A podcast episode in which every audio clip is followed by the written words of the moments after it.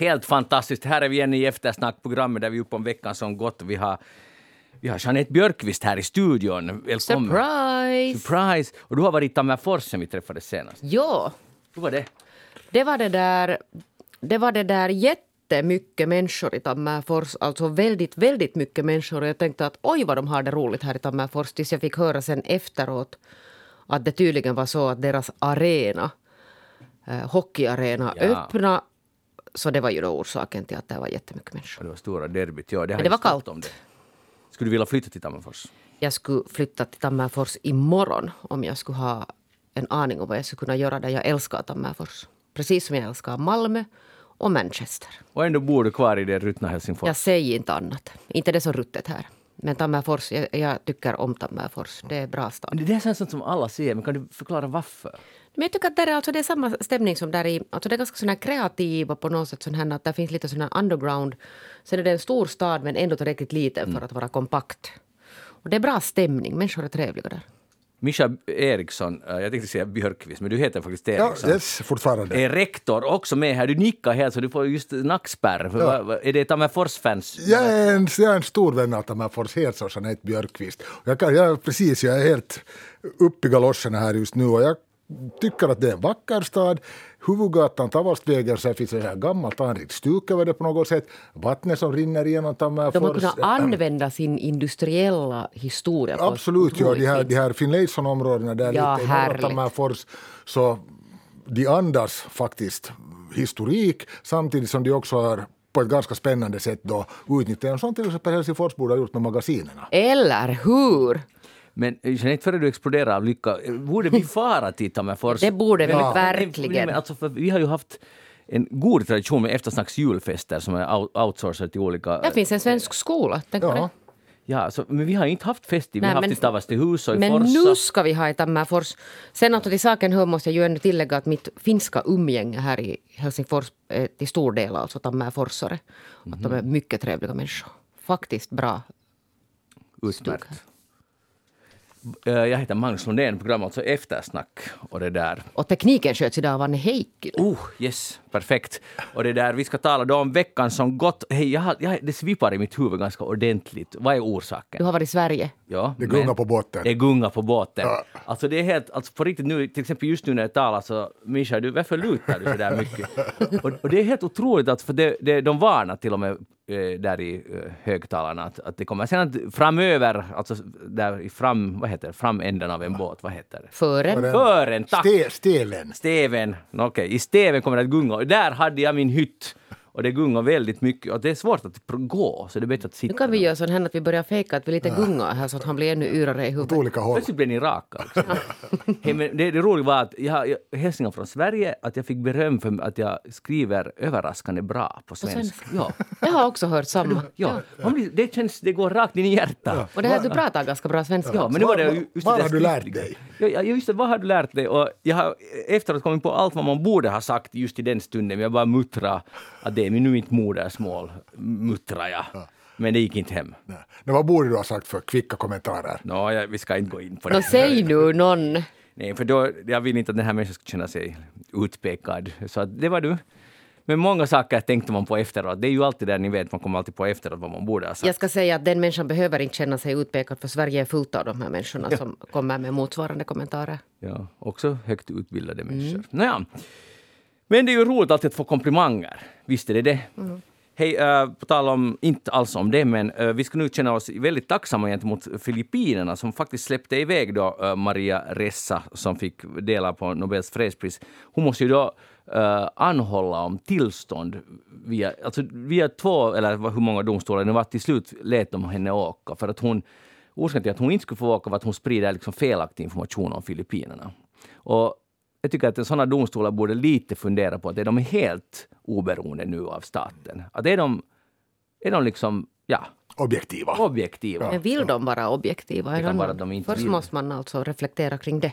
Ja, men då tycker man kan spinna vidare och tänka på det är ganska viktigt med en oberoende domstolsväsen. Absolut. Men där är ju följdfrågan också det här att uh, invillar de sig själva till objektiva? Ja, det är en bra fråga. Ja, att, eller, eller är det bara liksom att de inser att där nu är en del av maskineriet och, Ja. och, och nu pekar vi på det här sättet och inte spelar någon roll fast det inte är speciellt objektivt. Ja, det, och- menar när de går eh, hem och när de lägger sig på natten så tänker de att nu gjorde vi en bra sak för nu har vi skyddat Filippinernas liksom anseende. Precis. Att, att de tänker att det är vårt, vår uppgift. Ja, exakt. Att, att man får, vem som helst får inte säga vad som helst om vårt modersland. Men, det tänker, men det finns ju ändå någon sorts, eh, när man nu utbildar sig i Man, Manilas juridiska fakultet, så borde ju nu borde det ändå presenteras, ja, åtminstone där på första studieåret, att, att vi är sen objektiva och alla ska ha rätt att höras och så vidare. Uh, så jag, jag tror att utgångspunkten är, men sen inser man för vem man jobbar, vem som betalar ens lön, Ja. sist och slutligen. Ja, men det, men det är en intressant fråga överlag att uh, ta vilket land som helst, vilken illusion lever du i? Större eller mindre? Eller hur? Jag menar, ta nu till exempel forna Sovjet, så hur många av de som till exempel antingen bodde där eller sen säg arbetade för, för det där partiet eller för KGB, hur många liksom var faktiskt övertygade om att det, är, det är så här det ska vara. Att det är liksom, vi arbetar nu faktiskt för hela landets bästa. Jag tror att väldigt många var övertygade. Det finns ganska mycket dokumenterat om det där, men det beror också på vilken tidsperiod man talar om i Sovjet. Sen fanns det ju en period där man, för att skydda sig själv och sin egen familj, Precis. eh, måste göra så. så. Och jag menar, till och med angav sin fru eller frun angav sin man eller sina barn bara för att man själv skulle... Och då har ett samhälle lyckats eh, förstöra Ja. samhället ganska bra. Fullstä, fullständigt, ja. Uh, yes, hey, men vi har mycket större problem i Finland för vi har då en statsminister som har varit på party och nu kanske någon stänger av radion. Gör inte. Gör inte. Vi, vi kommer att komma vidare, men vi måste ha det här för det, jag tycker det är helt fantastiskt. Jag var då i Sverige och, och har följt med på distans och här uh, Nej, för det första, den, den, där, den är ju helt legendarisk, den här presskonferensen när hon kommer ut ur riksdagshuset och, och journalisterna de, de kritiska journalisterna får ställa sin första fråga. Den första som liksom når ut, når fram till henne är att drack du coronaöl? Och så kommer en följdfråga, varför drack du coronaöl? Och det här är ju nog otroligt viktigt, eller hur? Varför tror ni att hon drack coronaöl? Har ni någon? För hon, sa, hon svarade bara att jag drack öl. Så hon tog liksom inte ställning till det direkt. Ja, jag vet, jag, jag, jag säger låt statsministern gå på nattklubb. Det är vad jag säger i ett nätskall här just nu. Att jag, jag kan inte riktigt förstå. Jag säger att haters gonna hate. De här som, som det där kritiserar nu en, en ung kvinnlig statsminister så oberoende av om hon skulle prutta guldägg så skulle de inte vara tillräckligt stora. Så, så det där, det på något sätt är så typiskt det här att hur hon än skulle ha gjort så skulle det ha gått lite fel. Men tycker du inte man kan kritisera henne för att hon, hon, en, hon var på en natt på offentligt tillst, eller vad ska man kalla offentligt utrymme. Uh, hon vet att hon har varit utsatt. Jag tror nog många tycker, oberoende av, av man kör in det kvinnokortet och ung statsminister, så tror jag många är genuint upprörda över det. Men vi hade ju nog också en, en det där äldre gubbminister som hade varit någonstans. Ja, det var och, och det där, det. och, ja, eller hur? Ja. Så jag menar, så nu, nu ser jag att det här unga kvinnokortet liksom spelas ganska, slås ganska hårt i bordet. Mm. Ja, man hade väl tömt pajatson i det skedet när det kom fram att det var andra gubbministrar också som hade varit ute för att då hade det gått ganska hårt några dagar kring den här, Ja. Kring den här statsministern. Och sen behöver man inte bry sig mer, sen orkar man inte. Men det där...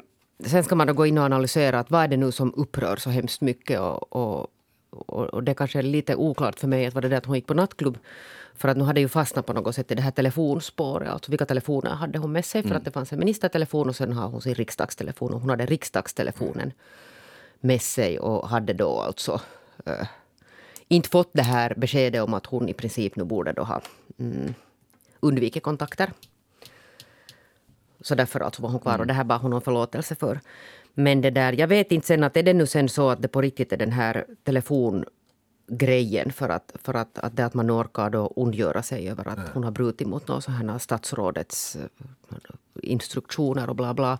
Eller är det alltså det att människor, alltså alla i Finland är så trötta och man har försökt och man har suttit hemma och man har hållit på och slitit och det är liksom fortfarande uh, olika former av restriktioner och sen är det den här symboliken i det att sen går hon och biljetter på nattklubb. Mm. Eller vart än hon skulle ha gått. Att det är liksom inte kanske det att, att statsministern går på nattklubb utan att statsministern går på nattklubb när vi alla andra har kämpat så mycket. Och jag vet inte, den, den, det spåret har jag inte sett någonstans men jag undrar om det är det som på något sätt ligger där under i alla fall. Jag tror att det ligger lite där under. Ja, alltså, jag, jag, jag kanske inte hundra mer i det här sammanhanget. Men det var ju inte som vilken av de här uh, brittiska potentaterna var det nu som bröt den här karantänbestämmelsen. Körde iväg. Precis, jag körde iväg ja, för att jag bara kan och för att jag vill. Och det är inte heller så som hon skulle ha strittat iväg från Nyland för ett och ett halvt år sedan när hela, hela det där mm. området var stängt.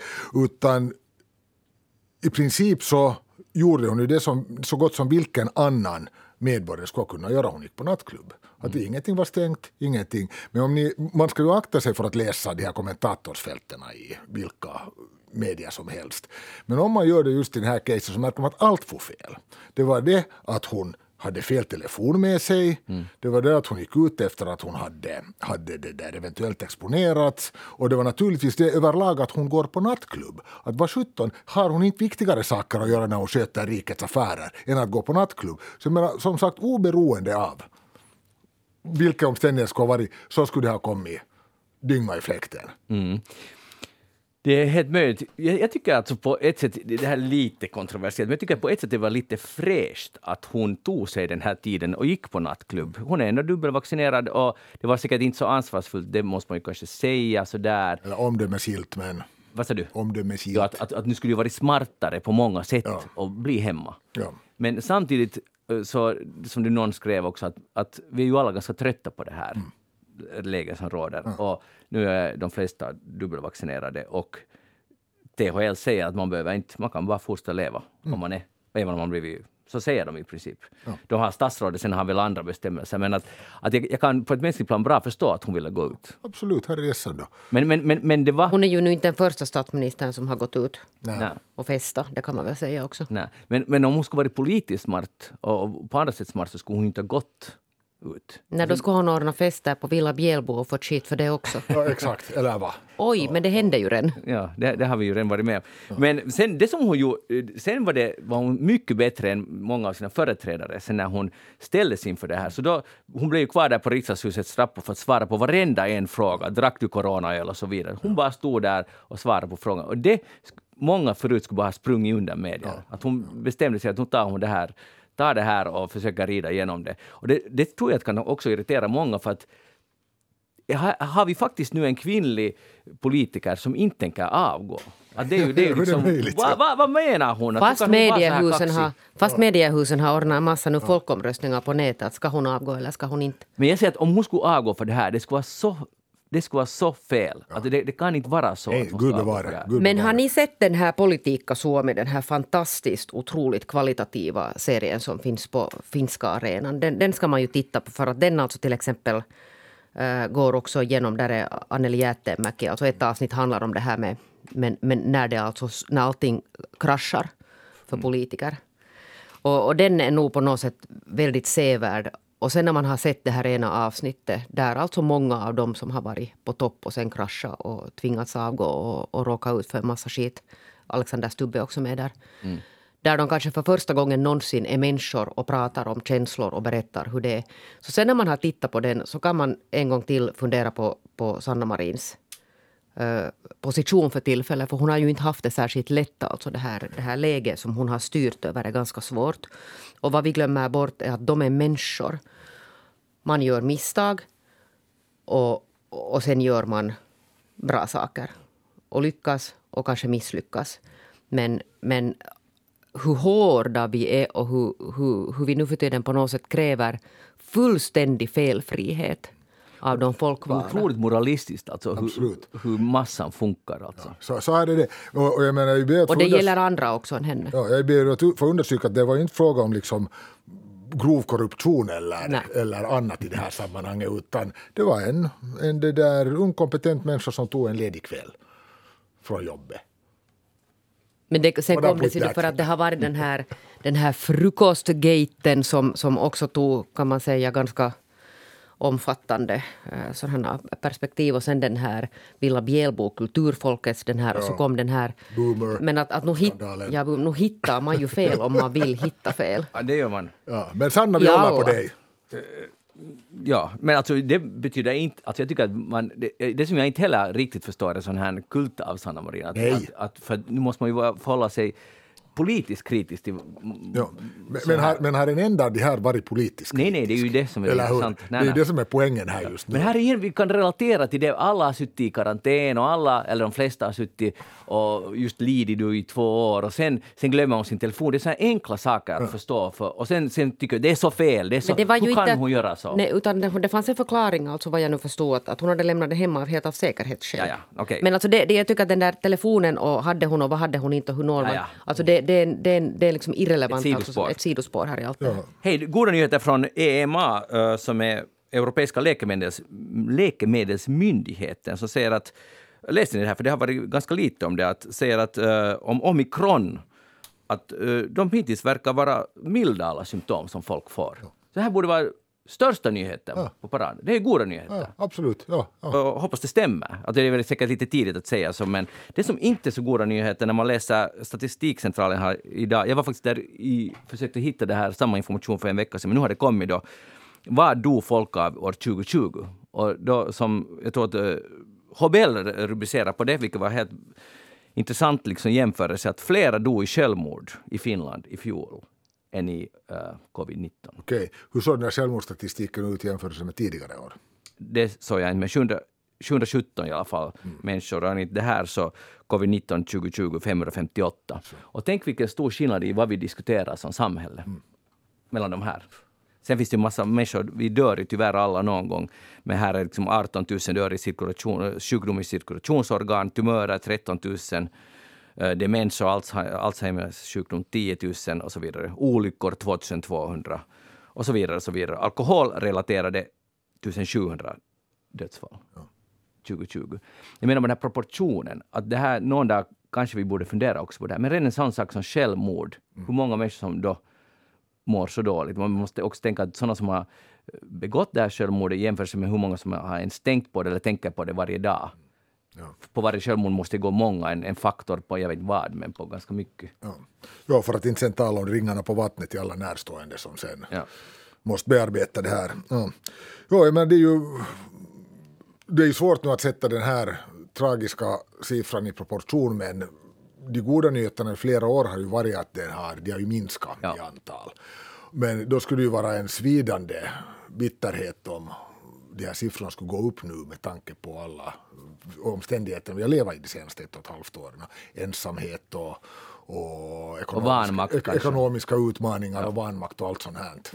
Men från USA kom det ju den här veckan en rapport om att, uh, att unga mår helt otroligt dåligt mm. under den här pandemin. Mm. Alltså just av de där orsakerna. Så det kan bli ett resultat ännu som i värsta fall att, att uh, de där siffrorna tyvärr stiger. Jag, jag jämför ju nog uppriktigt talat de här uh, senaste ett och ett halvt åren med alla de här restriktionerna som har satts på skolor, distans och så vidare. Så jag jämför det helt med 90-talets lamma. Ja, det är helt jämförbart. Jo, absolut. Ja. Och det med depressionen på 90-talet, det så här fortfarande läser man intervjuer med folk som blev bankerna låste ut, så att säga, ut dem och deras liv kraschade totalt. Ja, ja. Och, ja, och sen alltså vad som hände, alltså att, att sådana saker går sen. Ja. Och sen nästa generation som alltså ärver att man rasar in i ett fattigdomsträsk och misär och hur det alltså går i arv sen till barnen och sen fastnar man på något sätt. Det finns människor som kom ut ur det, men det finns många som fastnar där. Ja. Och det här är nu, uh, vad blir det, uh, 30 år sedan. Mm. Så det har konsekvenser, en hel generation. Som, och, så därför tror jag att vi tyvärr att vi är bara i början av den här behandlingen av, av vad den här krisen kommer att leda till på andra sätt. Alltså, nu talar jag inte om någon liksom, konkret sjukdom än, utan om konsekvenserna av allt det här. Ja, absolut. Och jag tycker att det är hemskt viktigt att prata om det också, att påminna oss hela tiden om det här att vi har på något sätt en, vågar jag till och med säga här nu, på det sättet en värdefull erfarenhet som vi borde ta lärdom av. Att här liksom, man kan inte bara tänka att det här går över utan utan vi ser att om inte man då sätter in resurser på olika sätt för att bearbeta det här så... Och det, det är kanske på det här sättet som jag lite förstår uh, Sanna Marin att till exempel idag, jag vet jag fick bara i natt så satt jag då youtubade då på, på min båt och, och titt, lyssna på gammal musik från 80 och 90-talet. Och jag blev på väldigt gott humör. Och jag har fortsatt nu också idag, men jag gjorde eftersnack. Och jag fick bara så otrolig Förlåt Jeanette, men otrolig lust att gå och dansa. Men vadå förlåt? Nej, det är men, väl bra jag, jag, du jag, jag menar bara, jag inte vet jag varför. Jag, jag, jag, att man behöver nu lite glädje. Och jag förstår Sanna Marin. Att, att, att om man har lyssnat på, som du inte ens Mischa kände till, men uh, vad En heter det? Primitives Crash, den låten. Om man kan sitta stilla efter den, då är man ännu Jag är nu där. besviken att du inte dansar. Jag är lite gjorde det. Hytten för dig själv. Eller får, får du på dansgolvet? Jo, men sen det var lite illa för där fanns en spegel där i hytten. Ja. Det var inte så bra. Vet du vad? Så jag tog ett steg åt sidan sen. Nej, vet du vad? Det där ska du sluta med. Okej. All dans är bra om man gör det med hjärta. Ja, det, det heter Mm. ju att dansa som om ingen skulle se dig. Ja. Ja, men det innebär också att man inte ska se sig i spegeln. Nej, men sluta. Det där, nej, nej, nej, nej. Men brukar ni när ni lyssnar på musik, tro, brukar ni tro att ni, äh, att, liksom, inte tro men leka att ni dansar eller att ni är den där artisten? För det, är ganska, det finns två olika skolor här. Bra fråga. Jag brukar liksom nämligen köra en kombo. Ja. Så man får både och. Ja, just det, en da- dansande artist. Ja. Ja. det, det beror på vad jag lyssnar på. För det mesta när jag lyssnar på Ozzy Osbourne, det är Ozzy Ja, Osbourne. exakt. Jag förstår det. Ja. Och, och när jag tänk, ser det så tänker jag på Ozzy Osbourne. Ja, eller hur? Vilken låt skulle du då... Uh, you can't kill rock and roll från Ja. skivan Diary of a Madman. Ja, för man kan inte döda rocken. Det, här. det är så enkelt men så sant. Eller vad, Jeanette? Så är det, så är det. Vad har du tänkt på den här veckan? Hörde, det kommer nu den här, det kommer ju varje år så gör Finlands natur ger ut, de, de väljer alltså årets onödigaste sak, pryl, alltså det, ur sådär Ja. Och har ni nu hört vad som blev årets? Jag kan berätta vad som har varit tidigare. Förra året var det engångsgrillar, det är ju en jätteonödig pryl, det kan vi väl alla vara överens om. Sen var det oreparerbar elektronik året innan det, snabbmode, flisstyg, plastpåse, allt möjligt sånt hänt. Det är en Och hej, toalettrullen. ja, och hej, hej, hej, 2000 lövblåsare. Ja, exakt. Nå, vet ni vad som, som var det här året då? Ja, vänta, vad skulle det kunna vara? Nej, ni vet inte här, jag säger det. För alltså sån här överkonsum, överdriven köttkonsumtion. Oj. Det var liksom deras val. Och, och det är ju helt intressant och ännu mer intressant är vad den här debatten sen, alltså hur den blev när man kom ut med det här. Alltså nu vill, vill jag säga, de, de säger alltså inte köttkonsumtion utan överdriven Ja. köttkonsumtion. Uh, snittet är väl då 80 kilo per finländare om man då betänker att jag inte äter kött och många, 81 många, många, många andra äter inte kött så att, att någon äter nog väldigt mycket kött. Och sen blev människor helt rasande och, och tolkade det här som lite sådär som den här Helsingfors stads beslut att inte servera kött på sina inbjudningstillfällen. Så blev de helt tokiga att, att nu är vegan, det här väldet på väg över och ta över allting och, och vad allt man liksom kallas. Såna som det där inte äter kött. Då. Men det är synd om oss som äter kött. Men äh, jag tycker faktiskt inte att det där är så lyckat val. Det är ett konstigt val alltså, Ja. i relation till allt annat vad de har valt. Ja, de har ju valt det- prylar. Det är bra att ha prylar som symboliserar något. men Det där är så abstrakt och sen när man sätter in ordet, om det var så. Kött. har- Nej men om det står överdriven. Överdriven det, det, det, allt som man gör som är överdrivet förutom att dansa är dåligt. Alltså det, men, men det är inte, jag tycker att det där är liksom vag statement. Det är bättre med något eller kanske jag har fel, men jag tänker så att en lövblåsare... det är liksom- Plastförpackningar. Vad sa du? Plastförpackningar. Mm. skulle man ju ha kunnat. Ja, men det är också ganska abstrakt. Men det, att det kan vara att man borde hålla det konkret. Sen å andra sidan, om man håller det konkret, så då talar man inte om de stora problemen. Då tänker man bara, ja, lövblåsare är nog onödigt, men all annan konsumtion är jättebra. Att det, det kan ju vara att det finns en två sidor av det där. Men vad tycker du, Mischa? Nå, inte tycker jag det är dåligt. Inte tycker jag det är dåligt och framförallt om det nu liksom har väckt debatt så ser jag nog också att, att det på ett visst sätt fyller sin funktion. Att Jo, men vet du- Jag vet, nu avbryter du mig. Att, det, att det, det rör lite om i, i getingboet här. Det har ju, säger du lövblåsaren så då är det antagligen några gårdskarlar som tänker eller, eller ja, som behöver det i sitt arbete som tycker att men så här kan vi ju inte ha det. Men det berör inte så hemskt många. Men det här liksom så öppnar ju faktiskt nu liksom uppenbarligen lite, lite det där starka känslor. Och då är förhoppningsvis den här följdfrågan att varför väcker så starka känslor? Vad har vi för förhållande till köttet som gör att det liksom faktiskt känns så fruktansvärt? Men vad är det? Men det har man ju sett varje gång man nämner någonting om, om kött. Alltså samma den här Helsingfors stads Mm. beslut att inte servera kött på interna bjud, Tillställningar. sådana tillställningar. Men eh, jag kom faktiskt att tänka på, läste ni om den här Prodecos evenemang här för en tid sedan. Alltså Prodeco, den här produktionsekonomin, linjen vid Tekniska högskolan, eller nuvarande Aalto-universitetet. Så de har nu i många, många herrans år tipparna vet hur många decennier hade haft en tradition, en fest som på något sätt kulminerar i att de har en grillad gris som de dekapiterar. Det vill säga tar huvudet av och lyfter upp det och, och inför publik och sen äter de det. Jublar alla. Ja, alla jublar och så vidare. Och den här, den är, ju- det är ju inte riktig dekapitering utan huvudet har tydligen tagits loss sen tidigare och sen så liksom symboliskt tagit bort och så vidare. Och nu var det, nu kommer jag inte ihåg representant för vilken, vilken där djurrättsorganisation som hade tagit in sig dit. Och det har ifrågasatt den här. Att, att ska ni faktiskt på det här sättet nu, hur ska vi säga, uh, ska man till och med säga håna nu det här djuret som, som ni har här uppe och, och det där och dissa. Och det slutade med att Prodeco klev ut och sa att vi ber om ursäkt, vi slutar upp med den här traditionen, den är gammal och förlegad, vi gör inte det här mera. Unga studerande. Så jag vågar också påstå att vi befinner oss här också i någon form av ett brytningsskede. Att den här, den är så pass stark bland ungdomar, den här bägge approachen, eller den här ifrågasättande av överdriven köttkonsumtion. Att vi kanske också när vi funderar på att ska det nu vara så, är det nu så dåligt påhitt där, så representerar vi en äldre generation. Men, men alltså, det låter ju helt rätt att skippa en sån, sån här tradition. Eh, Men det är ofta när man gör såna här punktinsatser, förlåt mig lite cynisk, att det blir, för där hänger Atrias skivade skinka, finns där i Alepa i hur, hur mycket som helst och det, och det har väl gått lite ner konsumtionen just av griskött, men i alla fall att, att och, och hönorna, broilerna i Finland bor relativt trångt och så vidare. Att, att det, där, att, att det är lätt, lätt hänt att "No, men nu har vi gjort någonting. Ja. Att, att det kan, Men de har gjort något ändå. Jo, jo, alltså det är ju just det att det, det är något och det är helt rätt. Men är det mera symbolik och för det så känns det bättre sen efteråt? Jag vet inte. Men det är klart det, men så är det ju alltid att man kan ju inte rädda allt, alltså hela världen. Man kan inte göra allt på en gång, så då gör man punktinsatser. Nej, men jag, tycker, jag tycker faktiskt att, att därför skulle man kunna säga, om man skulle vilja ha ett riktigt slagsmål eller ska vi säga en bra diskussion, jag vet inte om det skulle vara bra, men istället för att säga överdriven kons- köttkonsumtion skulle man kunna sätta för att provocera köttkonsumtion och se vad som händer. Att det, uh, jag vet att det skulle bli ett stort ståhej, men överdriven, det är klart att, att överdriven köttkonsumtion det är lite, onödig. det är lite plättot, det är lite lite ljummet. på ett sätt, ja. Att på, på det sättet. Och det skulle vara bra, till exempel för mig, att jag funderar på det där med köttkonsumtion. Alltså, jag tror till exempel, jag vet att eh, många tycker så, så det är ju det är ju ganska trend nu om man ska äta bara vilt.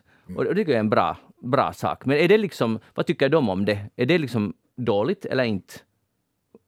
För att om man är ideologiskt vegetarian så är det fel det också, för det, ett djur dödas. Ja. Och det var ju ganska mångt och mycket just precis till den här sortens tänk som då den här insatsen på Prodeco hänvisar till. Det här att denna tänkande levande individ ett ut nu har slaktats och, och det där görs till ett åtlöje framför oss före vi äter upp den. Att det, det är inte så mycket att göra med den här säg, klimatförändringen eller, eller hälsoaspekten utan helt enkelt det här att vil, med vilken rätt Just det. Men där det, kommer det den är här- ju en jätteintressant diskussion. Ja. Jo, och det är ju den där alltså, som har pågått i evigheter, alltså som är den här att hur ser man på djuren? Vad är djur? Alltså produktionsdjur i Finland är ju i princip alltså no, produktionsdjur som inte alltså anses vara Nej, de är Levande bara varelser. i en fabri- fabrik. Alltså det är ju så det är. Ja. A commodity, vad det nu ska bli på Det vet jag svenska. inte. Ja. Det som uh, svippar i mitt huvud alldeles otroligt. Så Det, där, det är bäst ni pratar mycket nu, hej. Det där, ja. Eh, tack. Ja. Men vad tycker du själv förresten om det? Det där, jag är ju inte en sån här, jag tycker att, att om man på något sätt det där prioriterar alltså vilt, alltså tänker på djuren, jag skulle inte gå och förbjuda till exempel köttätning, inte alls. Men att man nu skulle kunna tänka att varifrån kommer, vilka omständigheter kommer de här, kommer de här djuren från. Sen skulle jag ju tänka mig, alltså utan att veta, att kött som kommer från lyckliga djur kanske på något sätt smakar bättre, det vet jag inte. Än massproducerade. Jag är, jag är väldigt pragmatisk. Jag började för ett och ett halvt år sedan så slutade jag äta rätt kött. Och vi behöver inte dividera i all evighet men, men en av de här, från första början så började jag tänka på det här stället, att om jag liksom för varje gång jag ser en bit kött på tallriken ska börja ta och fundera på liksom att på vilken sida av gränsen är det, hur etiskt är det och så vidare. Så då, liksom, då blir jag vimmelkantig att inte överhuvudtaget för att ifrågasätta till exempel vilt som är på många sätt vis ett etiskt sätt att äta kött och så vidare. Det är lättare, inte rött kött överhuvudtaget. Så sitter jag inte där och funchar varje gång jag ser den där köttbiten. Men, men varför alltså rött kött? Jag menar, nu är det lite halvmesyre det, det där. Ja, så är det, och vitt också, det vill säga höna är det värsta ur det. Ja, ja, du äter Ja, inte? nej. nej, nej är jag fisk. tror- Fisk, fisk. Jo, jo, tack. Jag Själv, själv Alltså det enda som har haft ögon, alltså fisken är det enda med ögon du äter. Ja, sniglar. Har De har ju ögon. Ja. De har sådana små antenner som de tittar med. Gräshoppor. Nåja, men vi får se. Det, och hoppas det blir en bra diskussion. Jag skulle karaktärisera diskussionen som inte så lyckad. Det skulle jag verkligen göra, ja. Det, ble, det ledde inte till någon, någonting gott den här Men det diskussionen. där tycker jag är så spännande med vår diskussionskultur idag. Att om det liksom kommer, om det berör en, mig som köttet, så blir jag aggressiv och jättearg. Att kan man inte på riktigt diskutera? Aha, intressant att ni tycker att av köttkonsumtion är fel. Men det, ska vi snacka om det här? Ja, och de här Och som istället tror- blir man jättesur. Och de här som nu skriker att veganerna håller på att ta över makten och, och välde och ska, ska tvinga folk att börja äta bara veganmat. Så det var ju inte alltså så, det var, det var inte alltså det som var tanken här. Hej, jag, jag hoppar lite tillbaka, Mischa, vi kommer snart tillbaka till dig och vad du har Härligt. tänkt på. Men eh, jag glömde att diskutera, det, vi har ju faktiskt, och det här är just typiskt att man har glömt det, men vi hade ju faktiskt då en eh, var det förra fredagen som polisen ryckte ut och eh, nappade fyra killar från Kankaanpää misstänkta för terrorbrott eller planering av terrorbrott. Eh, En har släppts idag. en har släppts, ja. Och det där... eh, jag var lite förvånad, liksom ganska många andra, att det, det blev en stor grej då, men det har ganska mycket fejdat efter det. Och det här, här har vi trots allt ett gäng som i alla fall är misstänkta för de är oskyldiga tills vidare, eller de är inte dömda. Eh, det kommer bli en lång process förrän vi har dem i domstol. Men i alla fall, eh, det är ju ändå ett terror, terror... Polisen säger att de planerar ett terrordåd av något slag. Ja, det är vad man vet om den här, den här falangen som de här personerna eh, sorterar i. Och det lär nu inte ha varit någon hemlighet där på orten. eh, att de finns och, och att de är kanske inte mm, som alla andra ungdomar. Den här sige-kulturen, så den är ju alltså Aggressionistisk. Ja, och på något sätt sådär att, att om man liksom vill förenkla det och förklara det så är det ungefär som IS. Det vet ju alla vad det är. Eller jihadismen alltså bara. Att då Ja, det är de, slående hur liknande de, lika Ja. ideo- ideologier det verkar jo, och det har, vi ju alltså, det har vi ju haft mycket diskussion om, den här med, med jihadism. Men sen är det alltså uppenbarat sig då eh, ett gäng eh, finländska killar som, som har planerat, nu vet vi inte alltså riktigt ännu vad det är de har planerat, men de har planerat någonting. Alltså den här, hela den här idén i den här är en sån här spektakulärt våld som orsakar mycket skada och de, de alltså söker på något sätt en total konfrontation med samhället. Att det är inte några sådana här helt enkla småsaker de här har hållit på med. Här i dagens HBL så är forskaren Tommy Kotonen intervjuad. Han säger om Förlåt, jag skrattar, men det, det är just för att det är så bisarrt. Det här är en re- revolutionär strategi som har för avsikt att ta ett revolutionärt tillstånd vidare genom att öka motsättningar och polarisering och verkställa detta genom terrorism och sabotage. Och sen att in, inom de här grupperingarna finns det vissa som tycker att det här också går att uppnås, uppnås genom tillspetsat diskussionsklimat. Um, det vill säga att man, uh, sen vill man att samhället ska kollapsa och sen efter det ska man grunda ett nationalsocialistiskt samhälle föregått av ett raskrig. Det här låter som en väldigt uppmuntrande framtidsvision på många Kom sätt. ihåg att vi har haft de här rörelserna som redan har blivit förbjudna. Den här nordiska motståndsrörelsen till exempel. Men den här idéerna, ideologin som sådana här människor har, den försvinner ju inte med det att man, att man lägger ner en, en organisation och förbjuder dem att marschera till exempel synligt med nazistiska flaggor och attribut i Helsingfors.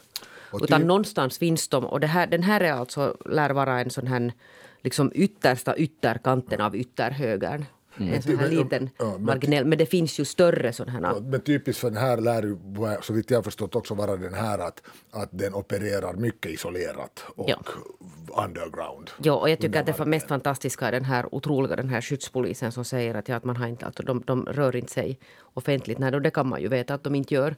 Utan för att hitta dem så ska man vara riktigt duktig på att botanisera i darknet. Och där har jag nu förstått. Du måste komma ihåg att det är ungefär för två, tre år sedan som skyddspolisen erkände att vi har ett problem med högerextrema rörelser. Att de var väldigt fast, väldigt fast i den här jihadismen som ansågs då vara ett stort hot. När sådana som har följt med de här sakerna länge nog har försökt påtala att, att sådana här strömningar finns och det har funnits grupperingar som håller på med beväpnade övningar i skogen och sånt.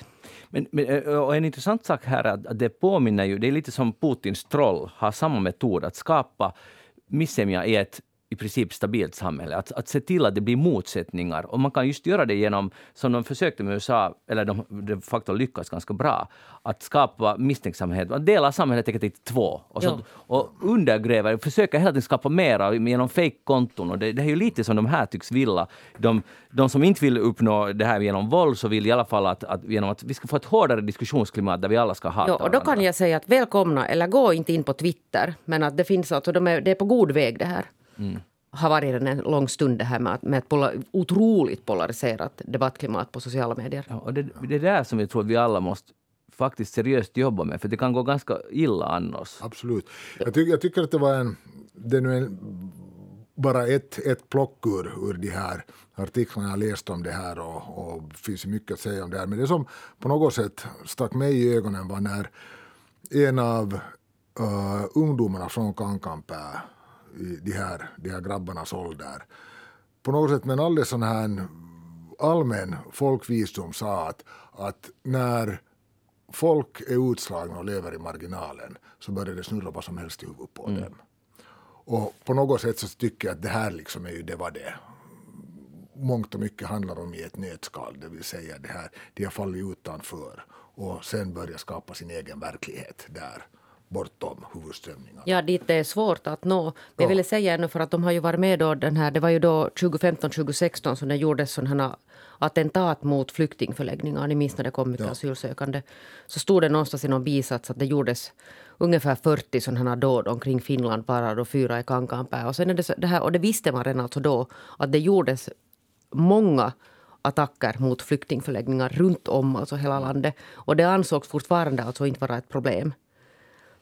Kännissa ja läpällä. Nej, men det är, alltså, det, det, är alltså om man riktigt stannar upp och tänker att, mm. att det här har pågått alltså i vår och var det inte så att de fick fast de här, alltså det var, inte, det var via någon narkotika? Det var via någon narkotika, ja, men det här berättar ju någonting om skyddspolisens förmåga. Harkelhost. Mischa Eriksson, vad har du tänkt på den här veckan? No, inte bara den här veckan utan hela, hela hösten egentligen. Ja, det där, det har ju det handlar egentligen om min egen arbetsplats, eller inte arbetsplats utan min arbetsmiljö, det finska gymnasiet. Och det, är nu, finländska då. det finländska gymnasiet, det finska och det finlandssvenska, finskspråkiga och svenskspråkiga. Och uh, flera olika medier har i och för sig, tacksamt nog, lyft upp och diskuterat vad som händer i de här gymnasierna. Och det är ju alltid en bra fråga, jag menar, det är en bra, bra grej att, att det diskuteras och reflekteras kring det här. Helsingin Sanomat tycks verkligen ha till exempel nu hela den här hösten regelbundet vilja ta upp och vrida och vända på de här frågorna. Och så också Huvudstadsbladet som har här under höstens lopp haft ett par inlägg. Först skrev Tobias Pettersson här för några månader sedan och här nu för ungefär tre, fyra veckor sedan så hade Filip Teir en kolumn på det där insändarsidan om det här. Och på alla sätt och vis så det här är ju bra, men att det diskuteras. Men det som nog frustrerar mig och min studiehandledare och mina rektorskollegor runt om i landet är ju att de har ju hemskt ofta så käpprätt fel. Mm. De vet inte riktigt vad de pratar om. Vem? Praktiskt taget alla som skriver om det här. Och här är, här är det där i den här Filip Teirska kolumnen så finns här många alldeles uppenbara felaktigheter och missförstånd. Och sen, det som kanske gör mig nervösast är när han nu formulerar det ungefär på det här sättet att det finns så att säga två olika verkligheter i gymnasiet. Ena studentskrivningarna att då måste man jobba hårt för att komma dit. Och den andra, den färska läroplanen som lägger vikt vid växelverkan, personlig utveckling och välbefinnande. Men hur ska lärarna hinna koncentrera sig på att stimulera ele elevernas obs, det är studerande i gymnasiet, inte no, ja, men det där ja, ja. Nej, nej, det är det inte. Personliga utvecklingen i gymnasiet numera är ett enda lopp mot studentexamen. Och då när det gäller liksom den här tolkningen och uppfattningen kring det här så frågar jag raka vägen att vad är det som säger att inte växelverkar personlig utveckling och välbefinnande egenskaper som gagnar en i loppen mot studentexamen? Att varför ska det vara liksom uteslutande? Mm. Att om du liksom satsar på välmående och att kunna samarbeta med varandra och kunna föra diskussioner och så vidare så är det på bekostnad av kunna när du ska visa studentexamen. Och på samma sätt om du läser till studentexamen så sitter du isolerad, helt för dig själv och hårdpluggar och måste skippa allt det här annat som att till exempel växa som människa. Jag förstår, men jag förstår. Och jag, jag säger inte nu men, utan jag, jag, vill bara... eh, Du har säkert tänkt på att det finns ju många föräldrar som är ganska knäckta på, de ser sina barn och, och eller ungdomar, studerande, som på något sätt, i alla fall tror de att det enda som räknas är resultat i studenter. Det, att all personlig utveckling är, är en bisak. Utan du ska du, det enda som är viktigt, och det börjar talas alldeles för tidigt om det. Det här är i alla fall många föräldrars uppfattning. Jag kan inte säga eh, vad det är rätt Mm, jag, eller jag, jag, jag får också säga när du fortsätter, jag förstår att det här är känsligt Nej, när det är är den inte egna känsligt. branschen. Nej, det- Men, men nu är det ju så också när man pratar med, med ungdomar i gymnasiet, det här alltså med studentexamens roll, så nu är det ju exakt så när man tänker på fortsättningen efter gymnasiet, att vad du gör de här andra åren och hur ditt betyg ser ut så har ingen relevans i det skedet när man söker in någon annanstans. Sen är det ju inte så att man kan belasta, det är ju inte gymnasiernas fel att det är så. Den, den liksom, det har bestämts på annat håll. Mm. Ja, alltså det, alltså en sak är ju alldeles klar, att menar, vi har, det har aldrig funnits och kommer aldrig att finnas ett perfekt system. Och till exempel det här nya antagningssystemet till universitet och högskolor innehåller ljudfel. Det ifrågasätter jag inte en sekund. Men bara en sån här enkel sak som att, och här skyller jag faktiskt på media, som inte riktigt vet vad de pratar om. Bara en sån här enkel sak att den här långa matematiken nu har fått en sån här närmast helig koroll. Att det finns gymnasier där de inte nätt och jämnt kan arrangera grupper i kortmatematik för alla vill välja långmatematik.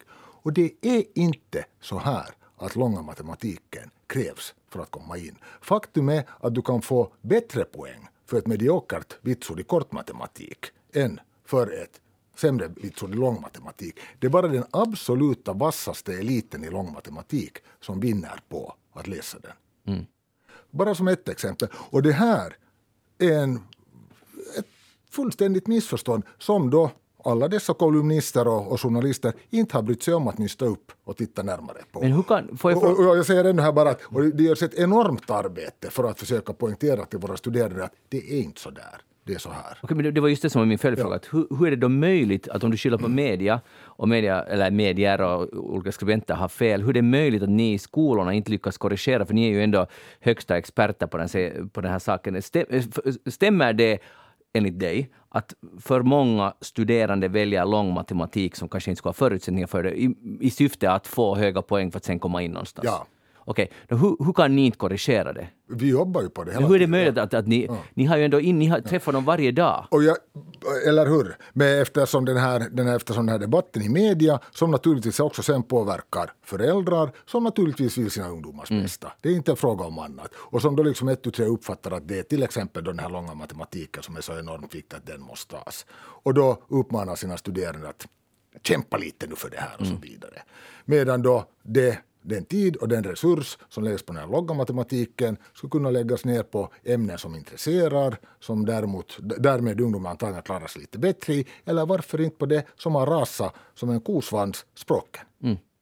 Exakt, men då, då har du ju egentligen samma agenda som till exempel jag Mm. och många föräldrar. Vi, vi vill ju samma sak. Det är ungdomarnas bästa. Ja, det vill vi Ja, ja, förstås. ja. Och ungdom vill också sitt eget bästa. Ja. Men då har det, det det här är ju superintressant för att om, om för jag lever absolut i tron att det är bättre att ta lång matte, men jag skulle aldrig säga till mitt barn nu ska du ta lång matte Mm. för att du ska... Jag skulle överhuvudtaget säga ta det kult. Alltså, det, take it easy, allt fixar sig. Det här är inte så... Livet avgörs inte i den studentexamen. Och, men jag tror att det är det här som många föräldrar är så eh, oroade för. Just att, att om nu avgörs allt, Ja. nu måste ni Ja. kämpa, ni måste ha lång matta. Varifrån kommer det då? Om du säger att det inte kommer från skolorna. Ja.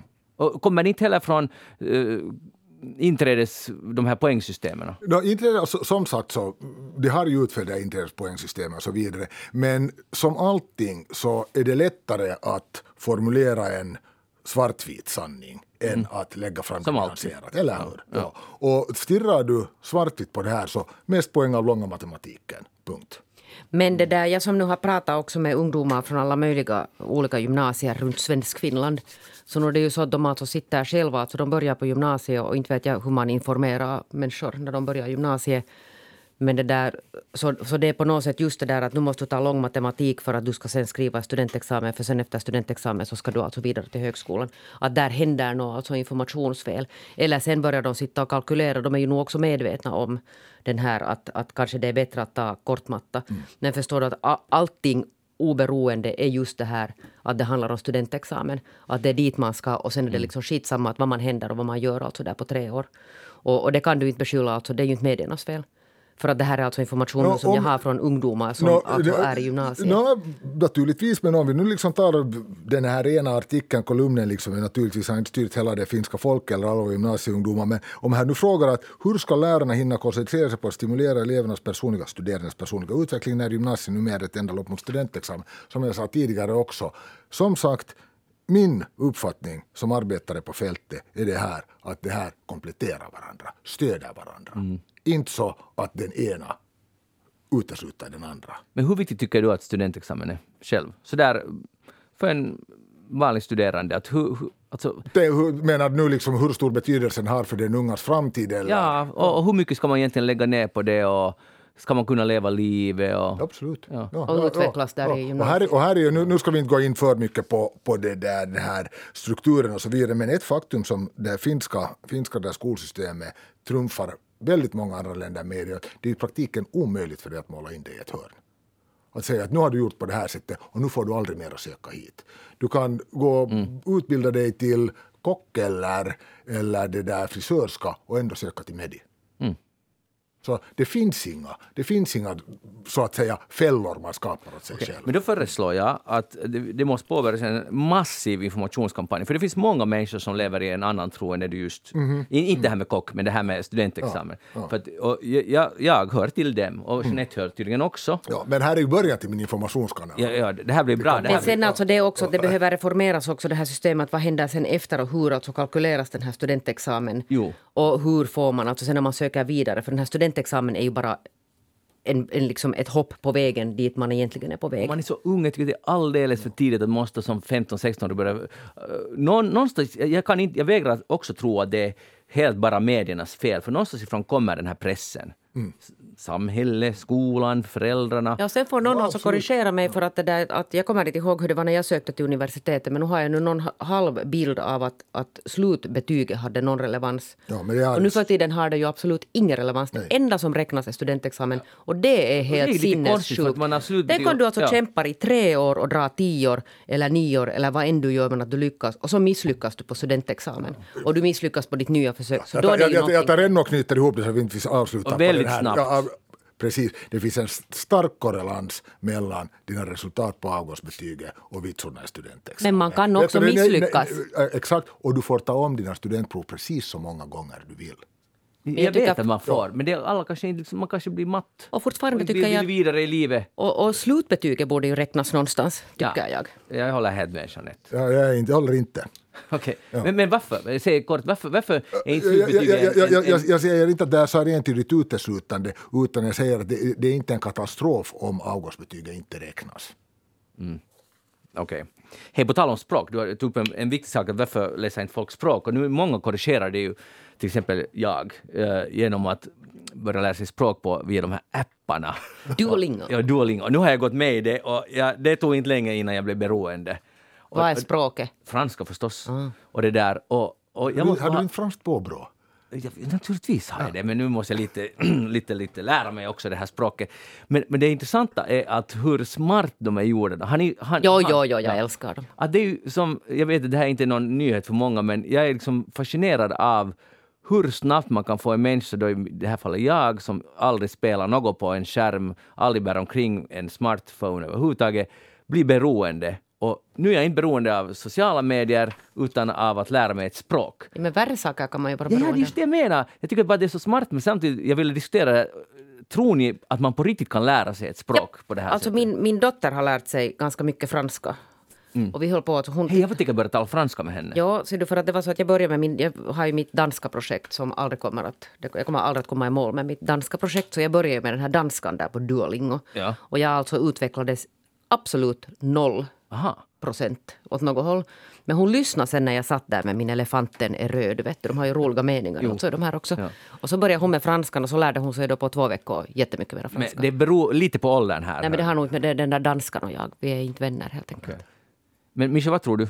Ja, absolut. absolut. Jag menar, den här spelifieringen, gamification, så det har ju varit det hetaste heta på länge. Och, Ja. och man märker ju nog att vilket ju knappast förvånar någon i det här skedet mer, att alla just de här sociala mediejättarna, spelmakarna och så vidare, de vet nog just precis vad de ska dra i för menar. Så att, så att folk inte ska sticka därifrån. Jag Ja, skrev- den skickar ju brev sen att dual, you made, Ja, ja. you made Ja. Duolingo sad om inte du har varit inne där. Alltså, det tycker jag är Ja, lite jag, alltså jag, all, det har ingenting med språk att göra det här men jag märkte det här för några veckor sedan när jag i tristessen laddade ner ett spel till min platta.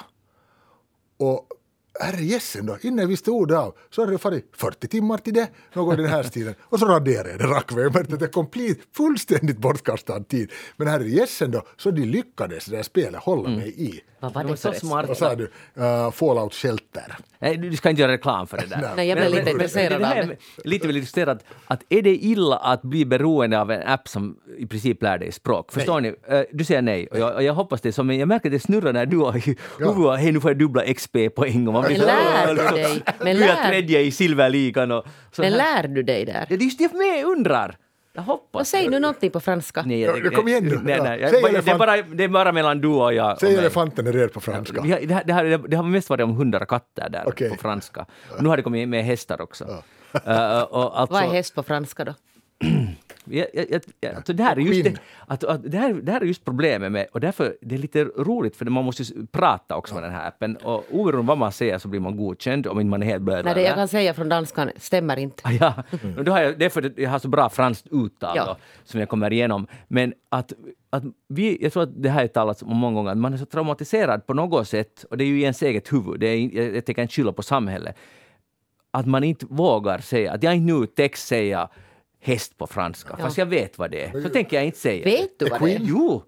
Va? Va? Är Queen? Nej. Nej. Ö, Häst? Nej. Ja, Öhäst. ö- Öhäst. ja, Öhäst. Det är feminint faktiskt. ja. Men, får, men Ja. får jag fråga Ma- Magnus en, en det där, när det gäller språkinlärning överlag, eller att lära sig ett nytt språk, Mm. så jag funderat hemskt ofta på det här att, uh, jag menar du är ju ändå en hyfsat verbal och intelligent herreman, eller hur? Tack så Ja, mycket. och jag menar du, du, det är ju inte så hemskt mycket small talk som, som det där, även om du behärskar det också. Men jag menar det är ju kloka saker och samtal som vi för tillsammans. Ska från- det här leda ja, ja, men, men hur är det sen om du nu vet att du ska trilla ner i Frankrike och det enda du kan säga är elefanten är röd till alla de människor du träffar Ja. och, och du, liksom, du upplever att på grund av dina språkkunskaper är du så lågt under din nivå. Ja. Känns det inte lite fjättrande? Är det inte liksom frustrerande att du vet om det kanske tar tre år före du kan diskutera metafysik?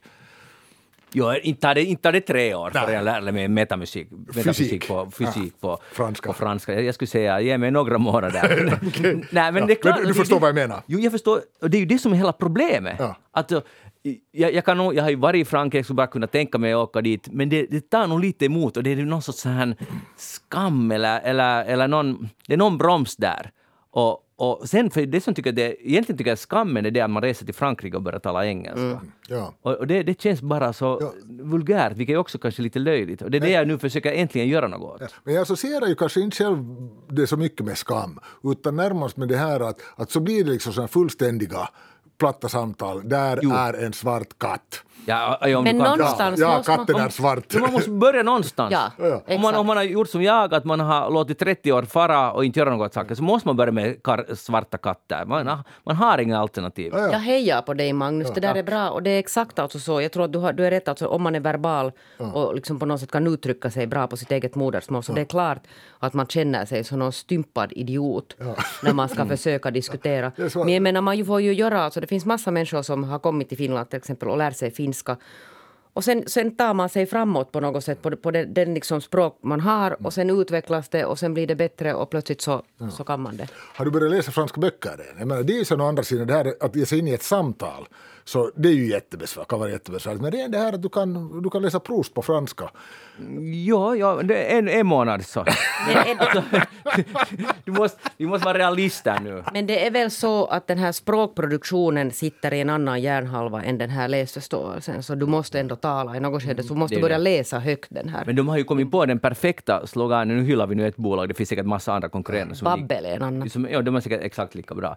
Men de har, säger de där, den där saken, om man nickar, varje gång jag sätter på så nickar jag, så är det. För det står att eh, du kan lära dig ett språk på 15, min- med 15 minuter per dag. Vad kan 15 minuter av social media ge dig?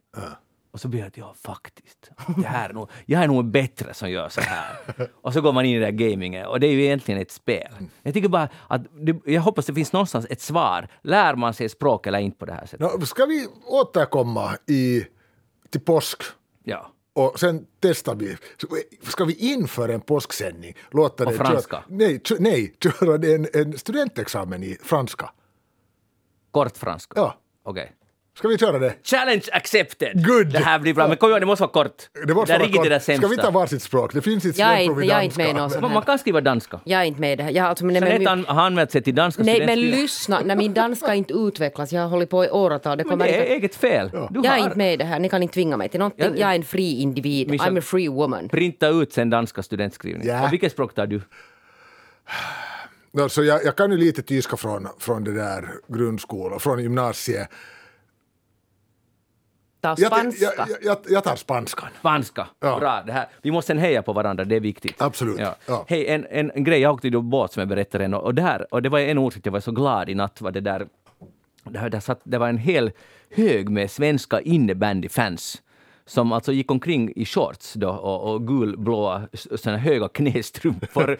och de var, eh, de, var, de var på något sätt så happy. Det var, det var ju i åldern från 20 till 60.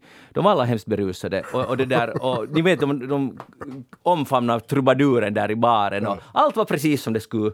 Och, det där, och sen såg jag dem i morse, för jag tänkte att jag måste hinna ut i tid och se hur mår de just nu. Och där var de fortfarande i full gång. Det var en, en killen som precis som igår natt hade han den här mm, högtalarna runt eh, nacken. Det hade han fortfarande och hade nu en hel sån här, uh, vad heter det, asklåda med Lonkero med sig. Och dansa och de var övertygade om att Sverige kommer att knippa guld, det är ju innebandy-VM här. Och, och jag blev bara så glad att de, de var lyckliga människor på resa, heja på sitt Ja. Kära land. Roliganer. Ja, ro, de var lite roliga och Gula väggen som de då kallar sig. Ganska fjantiga var de ju om, om man försöker vara objektiv, men jag var, jag var inte objektiv. Så, så vad tror ni nu, Jeanette, när de har så här st starka styrkor som hejar på det? Hur går det om Det om, det, där- om det blir Sverige-Finland i finalen? Det där, vänta, hur var det nu det gick för? Alltså det där, Finland har vunnit senast. Jo, jag vet, alltså, men det där kanske, ja, mm, mm, mm. Vi, vi hejar på Finland. Det är klart vi säger att Finland vinner. Ja. Mischa, vet du vad innebandy är? När de gubbar springer med käppar efter en liten boll. Kvinnorna fick silver. Ja, Ja. Okej, just det. Finska kvinnorna. Då går det antagligen på samma sätt för de finska männen. Ja, jag tror att Finland knipper där. Det är hemmaplan. Det här blir helt fantastiskt. Jag tror det är på söndag. Bara nu, nu båda hittar till finalen före det. Jag hoppas för svenskarna skulle att de gör det, för annars har de Det var väl inte spelarna som var där. Nej, i och för sig. Jeanette Björkqvist, tack för att du var med här. Vi hörs igen på dansk nästa gång. Mischa Eriksson, tack för att du var med här. Vad var det för språk? Gracias, Spanska? gracias. Anne Heikkilä, tack för att du var med här. Jag säger au revoir från, från eftersnack. Vi hörs igen. Hej då!